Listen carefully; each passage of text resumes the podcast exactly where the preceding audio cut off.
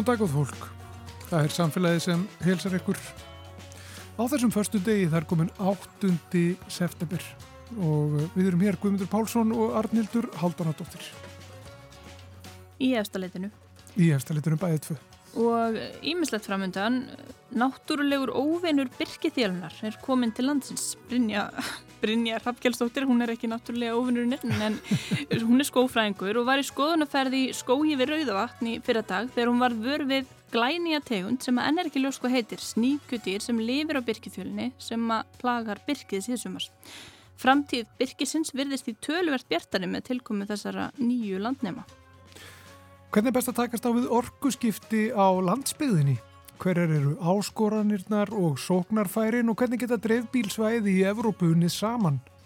Otto Eliasson, rannsóknar og þróunastjóri hjá Eimi, hefur velt þessu mikið fyrir sér en nýlega fengu hann og fleiri stóran Evrópustyrk til að vinna orkuskipta áætlanir fyrir fimm dreifbílsvæði í Evrópu. Við ætlum að tala við Otto hér á eftir. Málfarsmínutón verður svo sínum stað og Vera Íllóðadóttir kemur svo til okkar í lókþáttar með dýraspjall, fjölbreytt fána dýra sem að þarf verið rætt eða aðalega hljóðin sem að frá þeim koma. En við ætlum að byrja á uh, kannski bara tíðendum dagsins. Það er þessi nýja náttúrulega óvinnur Birki Þélunar. Heyrum í Brynju Hrafkjálsdóttur.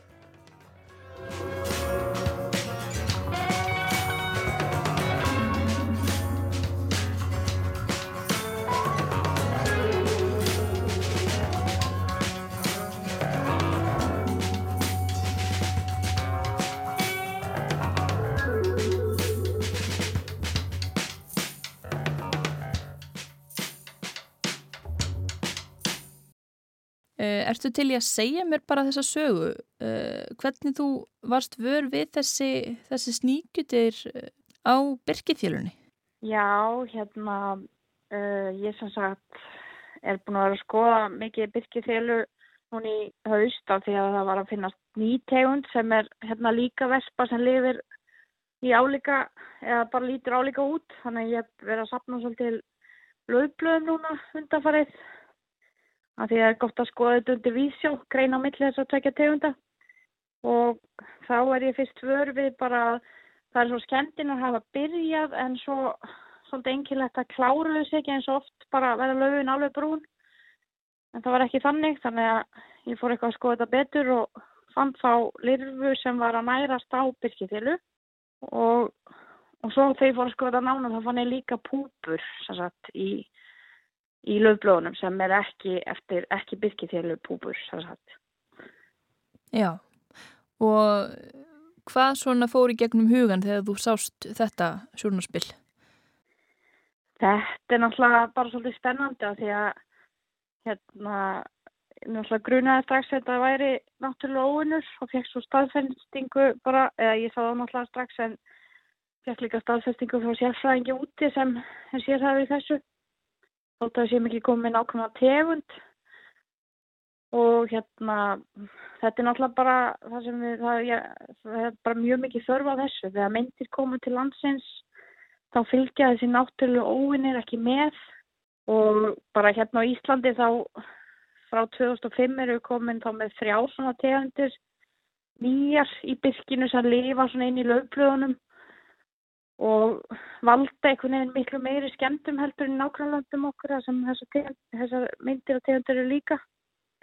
Og það er talið verið að það sé líklegt að okkur vanti bara þessar náttúrulega óvinnir sem koma jafnveg á kerfið og þess vegna hefur jafnveg að tala um hvort það hugsalega væri hægt að flytja þessar náttúrulega óvinni en núna verðast þeir bara eitthvað náttúrulega óvinnur allána byrkifjölu og vonandi er hann ekki sérþarður og fer í fleiri tegundir kannski. Já. Þessar þrjár... Já. Já. Þessar þrjár tegundir, það er Birki Þélan sem er virk núna, er það ekki, og svona í ágúst og, og september. Já. Og svo Birki Kempan sem er fyrra á ferðinni. Hvað, hver er svo þriðja? Eh, hún heitir Fenusilla Nana, það er ekki komið íslenskt nafn, en það er líka Vespa sem er mjög lík Birki Þélu og virðist vera svolítið á sama tíma á haustin. Þess vegna hefur hef kannski ekkert uppkvitað þótt að uppkvitaðist fyrir tilvíðunlega í fyrra að hún væri hérna. Ég sendi sem sagt, það sem ég held væri, að væri byrki þélulurfur í ræðgreiningu en það voru sem sagt önnur var þessi tegund þannig að þetta uppkvöld að stela fyrir tilvílun. Já. Og nú er þetta svo líkt. Já. Það er hérna. Og nú er þessi náttúrulegi óvinnur allavega einn þeirra komin. Hvað hva heitir þessi litla lirfa sem að nærist hreinlega bara á líkama byrk, byrkithjölu lirfunar? Við erum nefnilega ekki komið nafn. Eh, það er alveg greiðlegt að hún er að hérna, nærast og hérna að því að fundum líka púpur og sérfræðingun úti held að það væri hérna, mjög líklega ákveðin ætt vespa sem lifa marga hverjar á svona löfborðunum eða svona, svona tegundum eins og byrkifjölu en við erum ekki komið með nákvæmlega tegund það þarf eiginlega að senda þetta í raðgreiningu til þess að fá hana. Það er mjög erfitt að tegundakirna margar þessar vespur og þarf eiginlega fullorði dýr sem við erum ekki komið í hendunars líka. Þannig að þetta er bara spennandi það er greinlega eitthvað í gangi en við erum ekki komið með nafn. Nei Og hvað, hérna, hvar fannstu þetta og fannst þetta í fleiri en einu svona upprúluðu laufi? Já, sko, ég, hérna, ég fann þetta bara við skóin, eða bara við bensinstöðuna við Rauða e, fyrst, en svo þegar ég fór að kanna þetta líka, hérna, á Mókilsá, þá fann ég þetta líka þar. Ég er bara ekki búin að komast í að leita víðar á höfuborgarsvæðinu, þannig að ég, hérna, ég er búin að finna á þeim tveimur stöðum sem ég leitaði á, þannig að vonandi er þetta bara búið að dreifa sér svolítið. Já, og um, þetta er svolítið sko, svolítið ofsafengið að sjá þetta, alltaf þú byrtir nokkra myndir í Facebook-kópi sem að heitir Skortir á, á Íslandi og þar er í rauninni fyrst hjælti bara að þetta væri einhvers konar einn lífverða en þá er hanga þessa lirfur bara svona utan á byrkithjölunni og, og einhvern veginn getana eða Já, De, deyr hún eða hvernig, hvernig fyrir þetta einlega? Þessi náttúrulegi óvinnir drepa oft, sagt, þetta er bara, þessi lifi sníkjur lífi þannig að hún deyr ekki alveg strax en hún deyr með tímanum. Oft vespa er inn í sko lirfurnar en þessi var greinilega sko svona, það er að gera það suma það er svona hanga utan á og sjúa einhvern veginn vessan úr lirfunni þá til hún deyr. Þannig að þetta er ofta ekkit fallegt allavega ekki ef það væri skortið sko, þetta er svo heilísmynd eða svona já. En, Já, svolítið þannig, já. þannig tilfinning sem að færa að horfa á þetta sko. Emmitt, en hérna en þetta er svo mikilvægt fyrir að koma jafnvægi ofta á þessi lífkerfi okkar að hafa einhverja svona náttúrulega óni þeir geta verið ímiskonar sko, þeir geta verið sjúk eða svona sveppir eða hérna, bakterjur og það geta verið jafnveg spendir en svo er, og fugglar náttúrulega við þekkjum þá en svo er alveg stór hópur skortýra og vestmað til dæmis sem lifa svona hérna, er náttúrulega óvinnir annar skortýra Já. Já, þannig að þessar, þessar þrjár uh, þessi þrjú sníkjutýr og svona ágengu tegundir sem að hafa verið að gera byrkinu erfitt fyrir síðastu, já, hérna hvað, 14 ár allavega einhverju þeirra. Þær hafa bara fengið svolítið fritt spil og bara getað í rauninni bara hérna fengið sínu fram og, og, og á kostna, kostna byrkisins en núna kannski er, er svona hagur byrk, byrkisins og horfurnar fyrir næstu ára aðeins að vangast fyrst að þetta dýr er, er komið líka til landsins Já, þetta er mjög góða fréttir, einmitt. En svo tölum við á um þá er, þetta var ekki fyrir 2005 og svo kemur einn tegund sem er á vorin og svo kemur önnu sem tekur við að skemma byrkið eila bara rétt á eftir þannig að byrkið fær eila aldrei að kvíla sig á þeim stöðum þar sem báða þessar tegundir eru slæmar. En þarna er eitthvað svona, já þetta eru mjög góða fréttir að því leiti að vonandi hérna kemst eitthvað jafnvæg á. Það hefur gæst annar staðar þegar náttúrulega komin í svona einmitt svona byrki kerfi að hérna Já. þá verður byrki miklu grætna eitthvað neinn. Þótt að beintir lifi áfram þá verður ekki jafn mikið faraldur, ekki það mikið að það reyna á þólmörk plantmanna. Já og sjáum við, sjáum við það síðastliðin ár sko, er, hefur vöxturinn eitthvað skerst eða já, hefur þetta haft þannig áhrif á, á byrki, virkilega, virkilega íþingti og skert eh, vöxt og, og bara orðið til þess að plöntunum gengur vera já, lifa sínu lífi. Já, já það ég held að sjálf að reyna þessar hérna, nýju tegundir og náttúrulega byrki hefur lengi haft ímsa skafvalda en svo koma þessar uh, við fáum fyrirtalir í byrjun síðustu aldar mjög alvarlegar en svo þessar núna í lók eða bara núna nýlega og ég held að það sé alveg að reynu að það er náttúrulega hérna, já, allána hefur áhrif á vöxt ég, og ímislegt annað. En svona áhyggjur af því að byrki myndi bara drepast í stórum stíl ef, ef ekki þeir spórna gegn þessu, þú veist, voru þær raunverulegar? Já, maður bara veit, veit ekki alveg hvað hefði gert sko ef það hefði ekki komið eða kemur enginn svona að koma jafnvæg á kerfið. En það eru allavega ímsir með áhyggjur. Það er áhyggjur. Þannig að, já.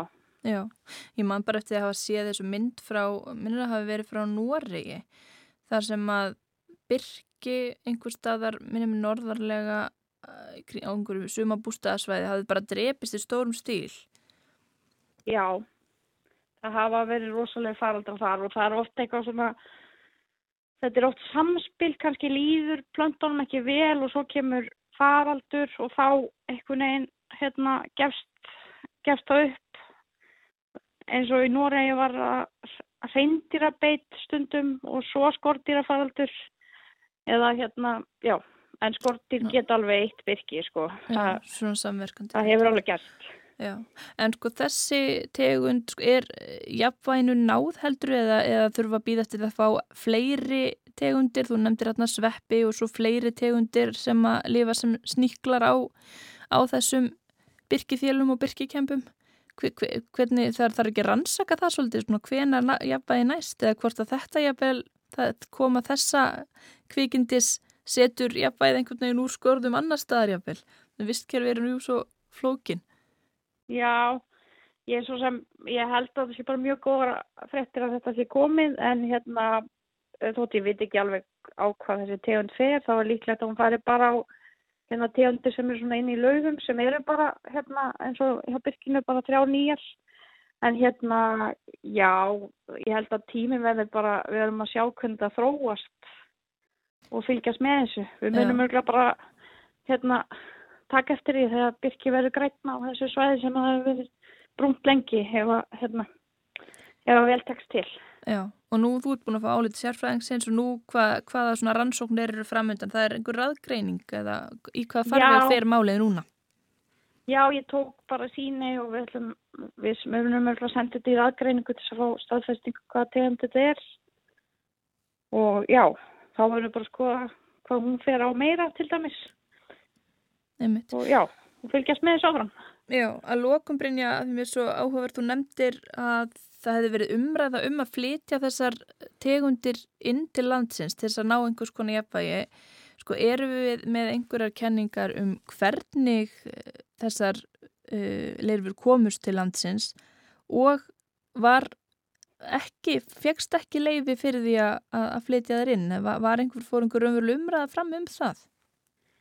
Já, sko við vorum að komin í ferli og það var einmitt, einmitt ástæðan fyrir að ég var í sambandi við hennar sérfæðing úti sem hefur aðstóð til dæmis kanadamenn að gera það sama. En hérna, það, við vorum ekkert komið það langt að þegar ætlum, þegar þessi nýja tegund sem við fundum myndir fannst, þá ætlum við allavega að kortleggja hvor er ágengar á Íslandi, hvort að hérna, áður við fyrum að ákveða að flytja eitthvað náttúrulega óvinnin en þetta er bara já, að flytja inn uh, skortýr sem getur lifið og utandir á Íslandi er bara það verður að vara sig og skoða það mjög vel á þannig að það er gert. Þannig að já, þetta er bara allt mjög flókið. Betra að þetta hérna, gerist svona, svona einhvern veginn náttúrulega þá. Já, já, það er náttúrulega alltaf best og við, við vitiði hvernig þessi þetta dýr sem við vitum ekki nafnið á komst til landsins hafið einhverjar, einhverjar hugmyndir um það? Uh, nei, en ég held sko að mikið af þessum dýrum komur inn með, með plöntuflutningum. Ég held að það sé aðal hérna innflutningsleiðin hjá skortirum. Það er sem að banna reyndar að flytja lifandi uh, uh, trjáplöntur þessar tegundar sem við notum mest í skórætt hér meðalansbyrkis en þessar tegundir eru oft búpur uh, í jörðu eða eitthvað starf annar starf og geta þá kannski uh, komið með öðrum plöntum sem eru fluttar inn til dæmis. Þannig ég held að það sé eina aðal innflutningsleðunum hjá okkur sko. Plöntuflutningur í mold eða þegar plöntur er lifandi í mold. Já, það verður áhugavert að fylgjast með bara áhrifunum á, á byrkið og, og hvaða áhrif þessi nýja tegund við tökum henni allavega bara fagnandi enn sem Já. komið er. Ég er allavega mjög spennt. Já, takk hérlega fyrir spjallið Brynja Rappkjellsdóttir, skófræðingur. Takk fyrir, sem leis.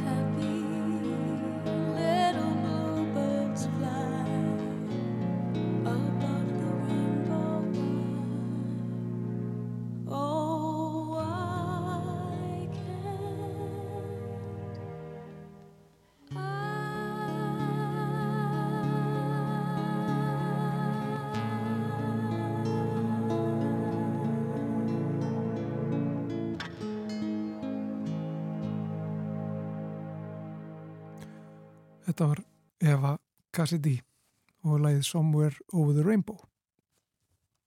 Og þá ætlum við að skoða orkuskipti í dreifðum byggðum. Ég heiti sem sagt Otto Eliasson og ég er eh, rannsókn á þróunastjóri hjá Eimi. Eimur er eh, samstarfsverkefni á vegum þryggja orkufyrirtækja, landsvirkjunar, orkuvitu Húsavíkur á Norðurorku og svo umhverjus orku loslasæðuninsins og, og samtakka sveitafélag á 18 þróunar á Norrlandi Eistra. Já, munar ekki um það. Nei, þetta er mikið langlóka, þetta er, hérna, þetta er rauninni orkufyrirtæki og svo samstarf ríkis og sveitar. Og, og markmiðið er, er að vinna bættiri auðlindanýtingu á hérna, Norðurlandi Eistra það er að segja að koma á auga á, á tækifæri til þess að bæta nýtingu auðlinda og, og hérna, akkurat. Þannig að þetta er svona, það er svona okkar verkefni ja. og þið voruð að landa já, feikna stórum styrk núna fyrir skömmu, hvað einhverju 250 miljónir, rétt munið að mér. Já, þetta, sagt, þetta var styrkur sem sagt úr hérna live styrtaráallun Europasambandsins þetta er styrkur upp á, upp á hérna 1,5 miljón evra sem er um það byrjum 220-230 miljónir íslenskar króna, þannig að það fer eftir eitthvað eftir gengisveiflum kannski en, en það er um það byrj þess að upphæðin og, og þetta verkefni það heitir sko Rural Europe for the Clean Energy Transition eða, eða dreifðar byggðir og, og orkuskipti.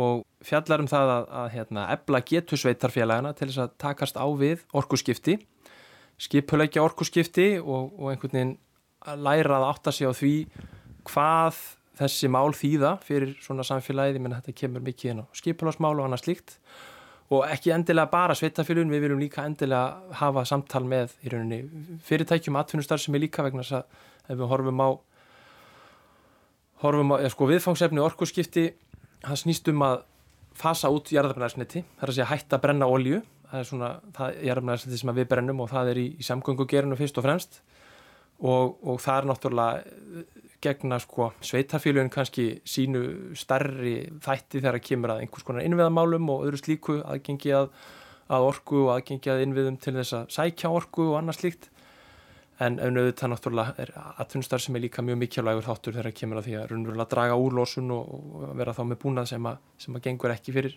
jarmæðarsnætti heldur, kannski raforku eða, eða einhverjum öðrum orkugjöfum. Þannig að þú ert þá með svona yfir sín yfir þetta allt saman og, og ertu þá búin að búin að vinsa út einhver sóknarfæri hérna á Norrlandi Eistra þegar kemur orkuskiptum og betri öllundanýtingu? Já, þetta er enda góð spurning sko, þegar kemur á orkuskiptum þá er, er hérna stærstur hluti ólíunar er, er brent hann að segja sko í vegasamgungum og hins vegar í fiskiskipum.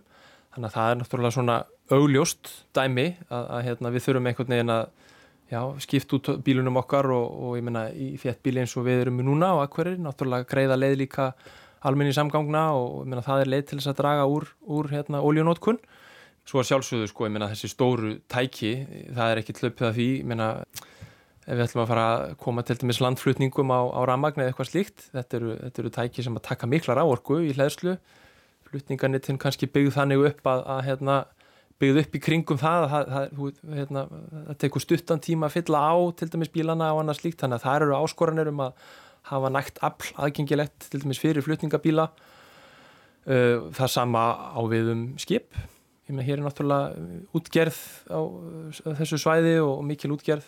Ólíubrunni sem tengist já, já, til dæmis fiskimjölsveðsmiðum og einhverju slíku hefur mikið verið rætt. Við náttúrulega byggjum upp sko ráðhverfið okkar svo mikið á góða stórnótendum sem eru mjög góði viðskiptavinu fyrir fyrirtækjum vegna þess að þau eru sko þau, þau nota svona jafna orku yfir, yfir sólarhingin og, og yfir, yfir mánuðina sko En hérna erum við kannski að horfa miklu meira svona, ég veit það ekki, meira flúttúerandi eða svona hérna, sveiblu kendari nótkunn, getur við sagt. Og ég held að það sé, það sé eitthvað sem að verður kannski ný áskorun líka við uppbyggingu en við það og annað slíkt og þetta er svona eitthvað sem að það er kannski að taka henni í myndina. Þannig að já, það er náttúrulega, við þurfum að, við þurfum að koma, koma samgöngutækjunum okkar fyrst og síðast yfir á, yfir á hérna, jarðumlega Nei, yfir af jarðarnælsniti af, jú, takk fyrir, af jarðarnælsniti yfir á rávorku eða, eða kannski eitthvað drafelsniti sem er eh, kannski ekki til í miklu mæli. Og svo held ég að séu líka mik mikil tækifæri með, með sko lívorku metan, ég menna það er Já, er það ennþá þó að sorphauðanir hérna séu hættir að gefa? Já, ég held að séu ennþá möguleiki til þess að framleiða metan. Sko þeir, þeir hérna, er ekki alveg hættir að gefa sorpöðnir en það, það kannski fer dalandi framleyslan sannarlega en ég held að sko manni finnst svona bærin er að hverfa frá metan strætisvögnunum og svona eins og, eins og metanöldin sé að líðundu lók hérna á akkur en það er kannski miskilningur Það, það kannski bara fer eftir hvernig þú spyrir sko. Ég allavega held að ef við ætlum að takast á við orkuskipti sem eru gríðarlega umfóngsmikið verkefni eh, það er bara alveg risavassi verkefni sko, samfélagslega að þá þurfum við að geta nýtt uh, alla þá orku sem að er tiltæk. Ég menna það er, það er heil mikil orka sem að liggur í lífmassa á svæðinu. Það er, ég menna það er að má framleiða lífgas, má framleiða metangas í rauninni úr hérna, úr alls konar, ég menna fiskaldisúrgangi það má framleiða úr mikju sem að fellu til í miklu mæli hérna svæðinu, svo náttúrulega í dag er, er, er moltugerð hérna, það má fletta það saman líka við metanvinnslu. Þannig að það er heilmikill lífmassi á svæðinu, ég menna ég tala nú ekki um fráveituna sem fer frá okkur bara bent út í sjó það er mikill lífmassi. Og þetta er allt saman lífmassi sem mætti gerja og er einnig búa til metangas úr. Og ég Þannig við hérna á Akureyri gætum kannski kert á eigin úrgangi bara innan skams eða hvað Já sko meðal annars og ég held að það sé líka eitt sem við þurfum að horfa til að sko það er engar hildarlösnir í þessu samingi sko. Það er engin ein, ein hérna, grein sem við ætlum að hanga og við þurfum að hanga dreifa þingdina á, á margar greinar. Kannski getur metanir staðið undir 5% orkurskiptum eða 10% orkurskiptum sko. en, en ég held að það sé bara einn þáttur í myndinni og hérna ef við horfum á sko, það sem er að gera til dæmis í Európu, við gerum það nú oft í þessu samhengi þá stendur til að auka framleyslu á metani þar og, og, og sko en, en sko svo eru margs konar nót fyrir metangasi líka, ég meina það er yðnaður í bænum sem getur nýta og nýtir það í dag skip, skipa, skipakomur meina, ganga í auknum mæli fyrir sko svona LNG, svona hérna, fljótandi gasi sko. Og, og ég meina það mætti alveg, alveg vökfa gera þetta gas og, og selja á skip. Ég hugsa að það, það væri annar kostur sko ef, að, ef við segjum sér svo að, að hérna, metanbílarnir fari út. Þó að ég, eins og ég segi, ég held að það geti samt áfram verið góður kostur sko. Já, ég held að þurfum að horfa þetta heilstætt einhvern veginn og við þurfum að átt okkur á því hvaða, hvaða bita við þurfum að draga inn í myndina. Við erum með lögfest markmið um kolminslutleysi 2040 og svo eru svona hliðarmarkmið eh, sem að hérna, Ríkistjórnin hefur sett sér og eitt af þeim sem er kannski eftirleitis markmiðið mitt er ég er að það er slust Íslands 2040 og það er ærið verkefni ef við ætlum að ná því þannig að hérna Þið eru bara með alla ánga úti og eru svona, já, að geta fílinn í litlum bitum eða horfa á mörg minni verkefni sem að geta uh, skilað uh, árangri hérna Norrlandi eistra. Já, sannarlega. Ég held að það sé það, sé það sem við viljum gera og, og ég meina það er eins er að kemur að varma nýtingu, það er eitthvað sem ég hugsa við getum mjög víða bætt og hérna þannig að þetta eru svona orkuskipti í víðumskilningi. Já, og aftur að þessu verkefni en þessum styrk sem þið fengu mm -hmm. uh, dreifðari byggðir í, í Evrópu vinna saman að orkuskiptum, þeir eru þarna með uh, ég til dæmis menorka, litla eigin hann við liðin á Mallorca og, og svo er einhvert hér að það ekki Slóveníu sem er, er með ykkur í svo þú, þú ert driffjöður nýjus, ertu búin að finna sérst alltaf þáttökanduna í þetta verkefni, skiljið það rétt? Já, þetta er náttúrulega, þetta er alltaf svona samstagsverkefni náttúrulega þegar svona hluti fara á stað. Uh, við, hérna gáttu nýtt okkur góða, góða tengiliði bæði hérna på orkustofnun og já, íslenskri nýjorku sem er, sem er hérna stýrir í rauninu verkefninu sko. Þannig að Eimur og Íslensk nýjorka eru svona kannski dreffjöðurinn í þessu og, og þau búa löngu þess að tengslenetti sem hefur myndast yfir yfir allt í góðan tíma og svo svona bara einhvern veginn herra fer af stað, þá hnúðast eh, aðeins utan á kannski hana bolta og, úrverður var þetta og, og þetta hlaut brautargengi en við erum, þetta eru að fimm lönd sem að taka þátt í þessu. Það er Ísland er svona í, í spís má segja, svo erum við með hérna, svæði í, í, í Svíþjóð og, og Sloveni og Spáni hérna, sem að taka þátt og alltaf fara í gegnum svona svipaða já, vekkferð eða, eða sagt alltaf reyna að taka utanum málinn hjá sér þau eru svo sem mislangt komin og, og sum, sum, sum eru lengra komin heldur en við og í, í svona allan að gerða og önnur eru skemur komin. Og svo erum við með sagt, Energiakademíið á Samsö í Danmörku sem er svona apparat sem var smíðað í kringum hérna, orkuskipti sem fóru þar í gang uh, fyrir talti mörgum árum síðan hófustar þegar fólk tók að fasa út sko olju, oljukindingu og gaskindingar fyrir unni varmadælubúnað og annað slíkt. Og það má segja að þau séu svona kannski einhverju skilningi svona mentor. Hvernig, hvernig hérna, hérna við ætlum að læra af þeim í Energiakademíð á samsögu í Danmarku hvernig við sko getum fengið samfélagi með okkur í að, að sagt, búa til þessar áallanir vegna þess að þetta veist, það, það er eitt, ég meina allar þessar stefnur og allt sem við innleðum sko, þetta kemur, þetta kemur til dæmis úr græna sáttmála að Europasambandsins í grunninn til sko, þessi markmiðasetning okkar, svo kemur þetta í gegnum ríkistjórnina svo er núna nýverið er búið, þess að atvinnulífið búið að fara í gegnum sína vekkferð líka sko, en, en, en þetta er allt svona top down sko, þetta kemur að ofan. Og, og við okkur er kannski meira umhugað um hvernig við getum gert þetta neðanfrá, það er að sé unni með samfélagunum, vegna þess að einhvern veginn þurfa að mætast sko, þetta er það er, það er náttúrulega eitt að segja við þurfum að ná þessu marki og þessu settu marki en síðan þarf einhvern veginn að framkvæma það sko. Og það er það sem við okkur langar reyna að ná utanum, það er að segja tala við fólk og fyrirtæki, tala við sveitafjölugin átt að segja átt okkur á því hver, hver er staðan er fólk að hugsa um þessi mál? Ég, veist, ég held að þetta er svona ennett verkefni sem að sveitafélagin kannski svona uh, já, ekki fændilega að fá í hendurnar en, en við viljum reyna að hjálpa þeim með en þau þurfa að hafa eitthvað um að segja vegna þess að þau til dæmis haldur skipilarsvaldinu en eins og, eins og hérna við vitum þá náttúrulega er mikið að gera á öllum bæjum þannig að það er kannski líka þessuna sem við viljum sem við viljum hjálpa til og, og reyna átt okkur á því hvort að, hvort að við getum eitthvað létt á þessari sem við byrjum með þess að hérna, með það er að segja Eimur og Íslensk Nýjorka og svo eru hérna tvö landslutarsamtök á Íslandi, það er að segja SSN eru með í verkefninu hérna Norrlandi eistra og svo er vestfjarastofa fyrir vestan á vest, hérna, vestfjörðum. Þannig að þau ætla, samhliða munu við vinna þetta saman svona í kringum Ísland og svo, og svo eru erlendir aðalar eins og ég var að nefna Svíþóð, Sloveni og, og Spáni sem alltaf gera slítið sama með stuðningi kannski frá þessu danska aparti þannig að það er svona hugmyndafræðin í þessu Já. Þannig að þetta er ekki bara einhver svona verkfræðileg nálgun eða verið að skoða hvernig má minga, minga lósun eða, eða minga nótgun jarðnæðelsniti heldur er þetta líka bara svona félagsleg gerjun Já, ég er uninni, sko, ég held að þetta sé fyrst og fannst félagslegt verkefni. Þetta er vegna þess að öll þessi úrlöstarefni, eða þess að úrlöstarefni, ég, löstnirnar við þessum já, vandamálum eða áskorunum eftir í hvaðu köllum, það er allar til, sko. Það kostar bara fjármagn og það kostar vilja og það kostar einhvern veginn, já, samfélagið samþykki þessar löstnir til þess að við heimfærum þær, sko. Og, og komum með þar og þetta er sannlega áskorunir sem á eftir að leysa, ég er ekki að segja það, þetta þarf, það verður nýsköpun í þessu fólkin líka bæði kannski staðbundin en líka kannski á starri skala sko og það eru mikil tækifæri til þess. En fyrir mér er þetta fyrst og fremst svona samfélagslegt verkefni og fólk skilji áskoranarnar átt að sé á umfangi þeirra og hvernig við getum í rauninni greitt götu greitt götu þessara, hérna, þessara mála til þess að við náum settum markmiðum sem samfélagi heilt sko.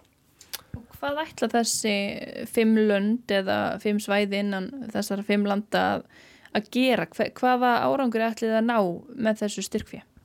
Sko þetta styrkfið fyrir fyrst og næst í það að búa til, já, hérna, við getum allavega að tala fyrir okkur hérna, sko þetta mun felast í því að við ætlum að halda fundi og vinnustofur og, og, og reyna að fá fólk til þess að sko búa til þessar áallanir með okkur, skapa þær með okkur, ég meina það, það eru bestar áallanir sko sem að, sem að samfélagi býr til einhvern veginn í sammenningu Það er að segja við saminumst um markmið, við saminumst um einhver verkefni sem við sjáum að eru, eru raunhæf en jáfnframt reynum að tegja okkur að þessum landsmarkmiðum sagt, samtímis. Þannig að aðal útkoman úr þessu verður í raun áallun og þú veist, já, kannski fúlt að það verður kannski bara, fólk segir ennett plaggið sko eða eitthvað í þeim stíl en, en þetta er samt, ég held að þetta sé nöðsynlegt til þess að, til þess að byrja, byrja á þessu hérna og, og, og ég menna ef vel gengur þá náttúrulega munum við rinda líka einhverjum, einhverjum aðgjörum á stað meðfram þessu. En þetta er svona, þetta er svona þrepagangur má segja sko, Minna, það þarf að tala við fólk og við þurfum okkur á því hvað við þurfum að gera í saminningu, svo þarf að búa til einhver áallanir, einhver markmið og annað slíkt. Og svo ofar í steganum þá þurfum við einhvern veginn að fara okkur á því hvað hva kostar þetta, getur við farið í þetta? Og, og hérna og auðvitað reynum við að ganga þennan þrepagang bara eins langt á við getum sko, en þetta er verkefni til þryggja ára og hérna, já, já, með svona ákvörnum struktúr og öðru slíku og, og hérna, við erum bara spennt að byrja þetta.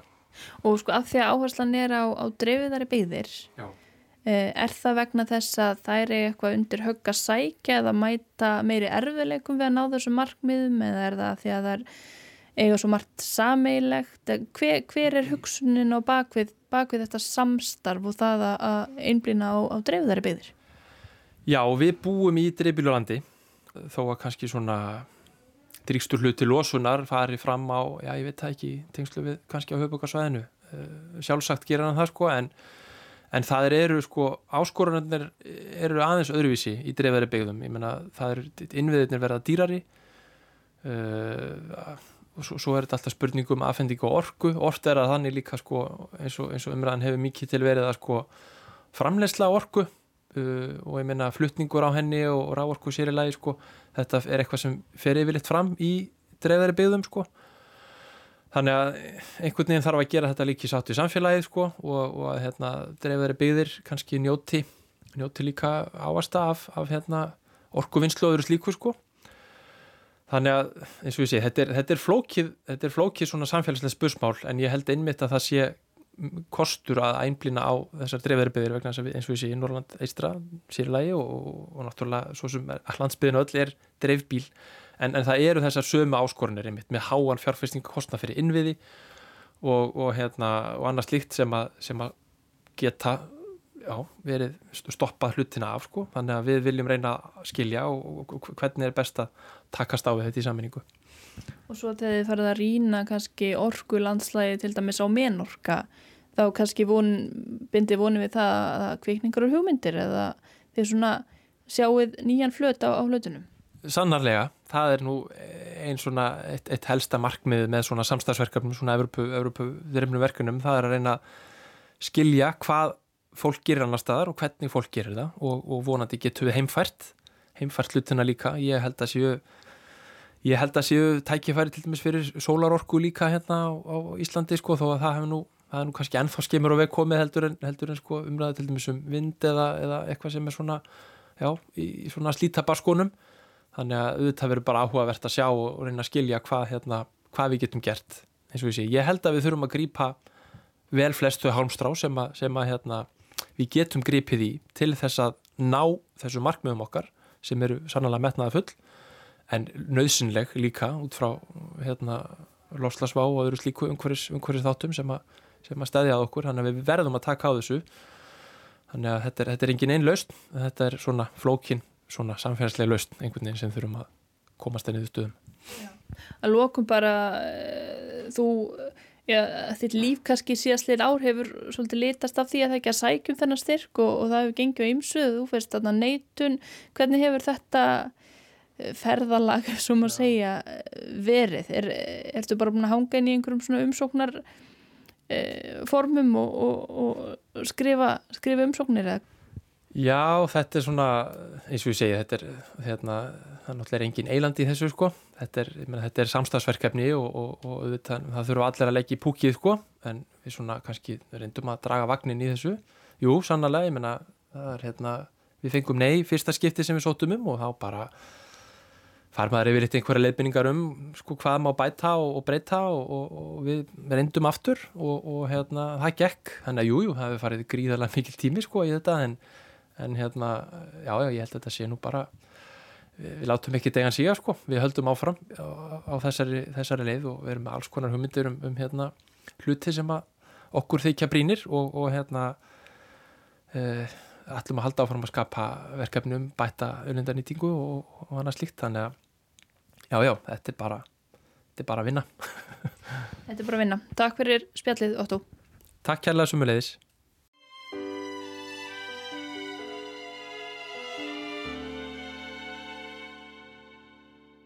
Það er svo margt að una við að elska þrá og gleðjast við jamt orð sem þögn og lít sem lag jamt langa nótt sem bjartan dag Mér fóttur kæra öðru eitt, ég elska lífið djúft og heitt, því allt sem aður óskar næst og allir draumar geta ræst.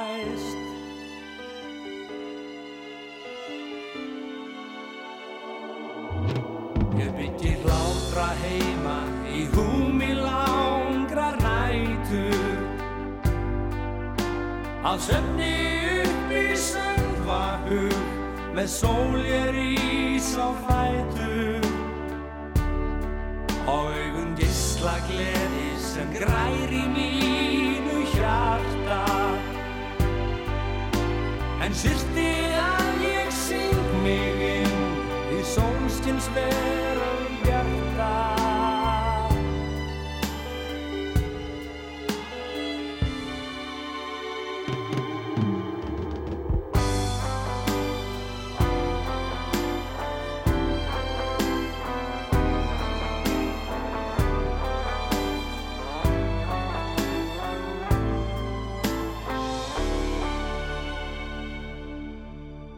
Það er svo margt að una við, að elska þrá og gleðjast við, jæmt orð sem þögn og lit sem lag, jæmt langa nótt sem bjartan dag. Mér fóttur kæra öðru eitt, ég elska lífið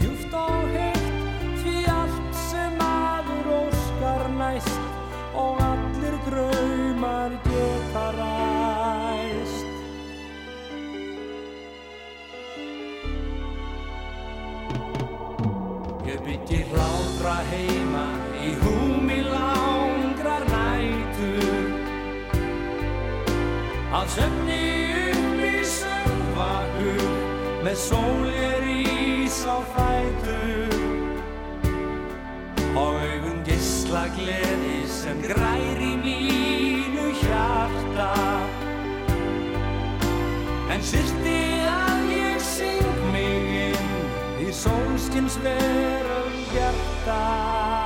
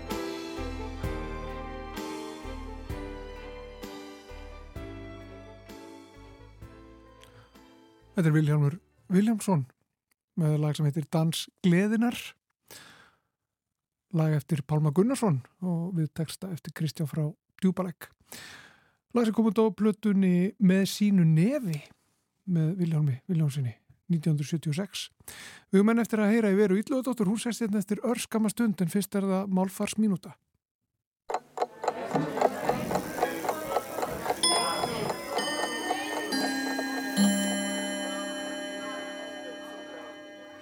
Stundum þegar erlend orð koma inn í málið, til dæmis sem nöfn og nýjum hlutum, fáðu íslenskan hljóm og útlitt. Þau verða svipuð upprunalega orðinu en ekki alveg eins. Þetta er kallað hljóðlíking.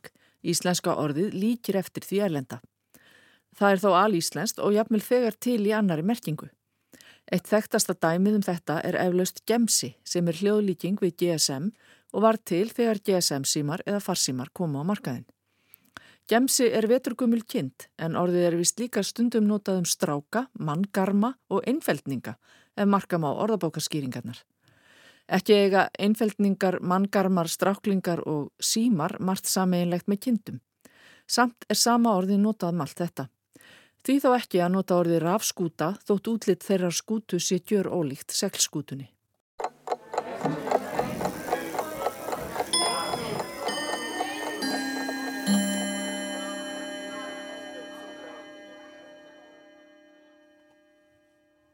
Málfarsminutan í uh, umsjón önnu sýrar þráinsdóttur en þá er hún sest í okkur vera íllóðdóttir Verður velkomin til okkar vera Kæra þakkir.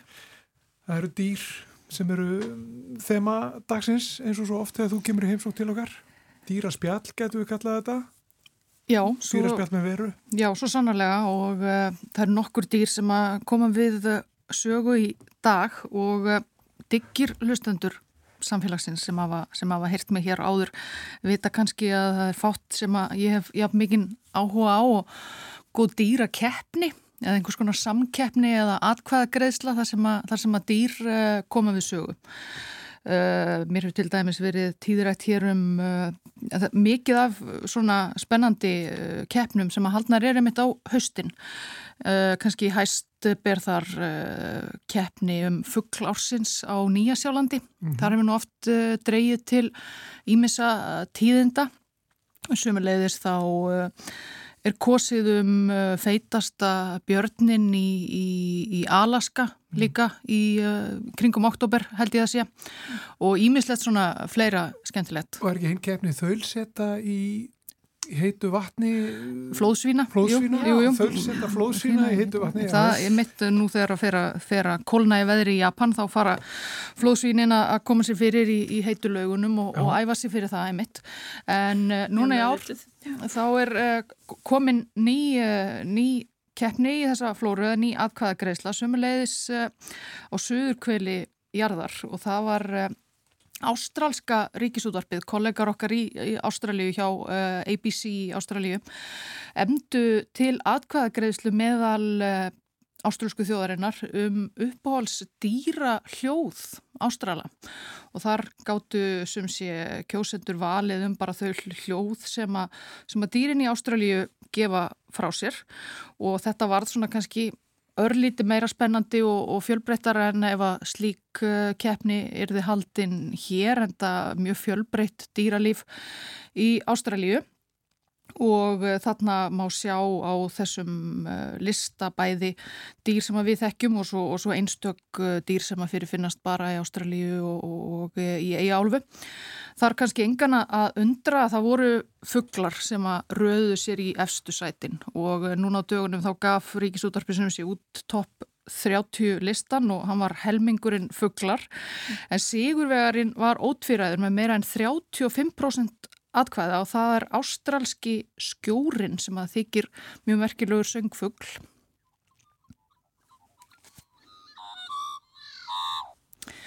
Ástralski skjórin, hann er eh, ekki sérlega skildur evróska skjórnum en líkur honum í útliti líka svartur og hvítur og hefur mjög vítt tónsvið næri yfir uh, fjórar áttundir uh, og líka góð eftirherma og þetta, þessi söngur þykir ástrúlum alveg undur fagur uh, Við tökum myndir það við tökum Já, við tökum Þetta er svona dæmigerði söngurinn hans ekki þennan að herma, hann er ekki að herma Nei, hann er ekki að herma þarna, þarna er hann og, og þeir geta vist uh, gefa frá sér mjög mörg mismunandi hljóð og, og vísindamenn sem að vinna í raun og vera að því að búa til eins konar, eins konar orðabók yfir söng, uh, söng fugglsins og, og búin að finna út að þeir gefa frá sér sérstak hljóð þegar þeir vilja vara aðra, aðra fuggla við, til dæmis hér er að koma örn og svo framveist það var sérstak hljóð yfir það og ímislegt fleira. Svo voru þarna í öll, uh, alveg í topp 5 uh, endalusir fugglar og ég uh, klifti saman nokkra, þarna heyrum við, getum við heyrt í nokkrum. Þetta er uh, kokkabura. Já, já. Mm -hmm. Svarri. Svipufugl. Og svo lírufuglin. Já. Þetta eru svo framandi fuglarhjóð.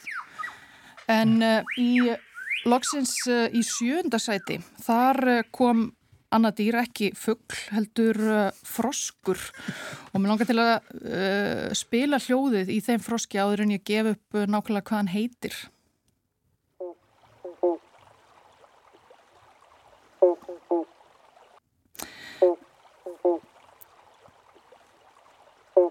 Þetta er banjófroskurinn.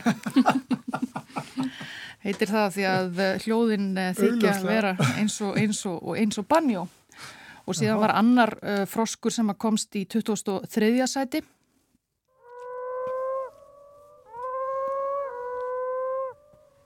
og heitir einfallega kveinfroskurinn Já, já, já. Þetta er ámótlegt. Mjög ólíkur banjófroskinum. Allt önnur tegund. En svo eru þetta uh, pokadýrin sem að Ástralja kannski þekktust fyrir og það voru vissulega nokkur slík sem að rötuð á þennan lista og uh, það efsta, uh, mér langt til að spila það efsta, þessi hljóð eða, eða kannski óhljóð lendu í uh, 14. sæti.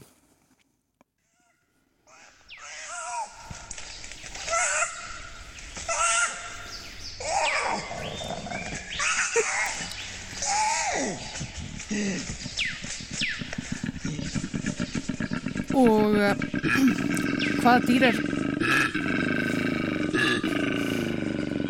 Það, þetta lítur að vera eitthvað stór hættulegt rámdýr. þetta er nefnilega dýr sem að mörgum finnst ákala sætt og fólki er mjög umhugað um, um uh, velferð þessar tegundar, þetta var kóalabjörnin.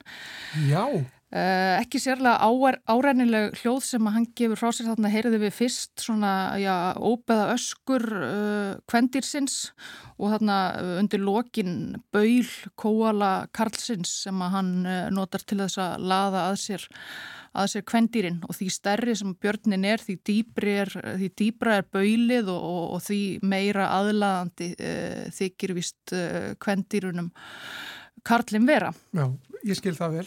Já, en það er, það er kannski ekki sérlega svona, já, þau eru daldið uh, merkileg hljóðin í, hljóðin í þessum pokadýrum. Hér er til dæmis uh, Tasmaníuskollin.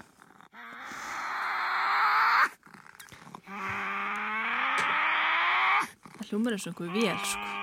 Þetta er vissulega uh, rándýr, póka rándýr, umdildur Tasmaníuskollin. Mörgum finnst hann svona grimmur og, og, og, og ljótur að sjá. Hann lendi þó í 17. sæti, uh, mörgum áströlum umhugaðum um þetta, þetta hljóð. Síðan uh, eru póka róttur.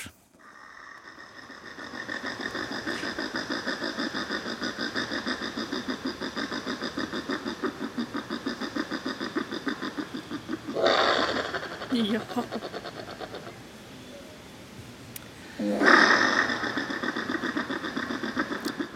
Þær lendu í 27. sæti, margir sem að halda upp á þetta og, heyra vist á, á síðkvöldum í, í ástrálskum sveitum, urrið í pókaróttunum, í, í trjánum í kring. Já, þetta hefði mátt vera ofar á listanum fyrst mér, sko. Já, þetta er skemmtilegt hljóð og svo, er, og svo þekkjum við þetta dingoinn.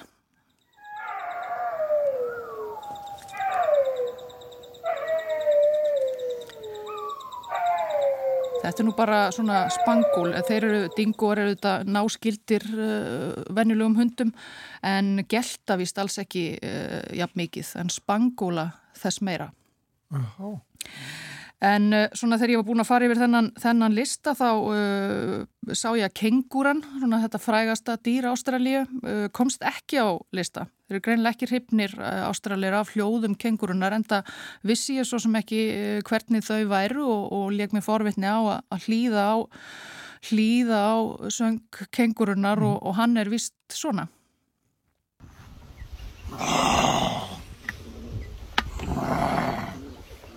já.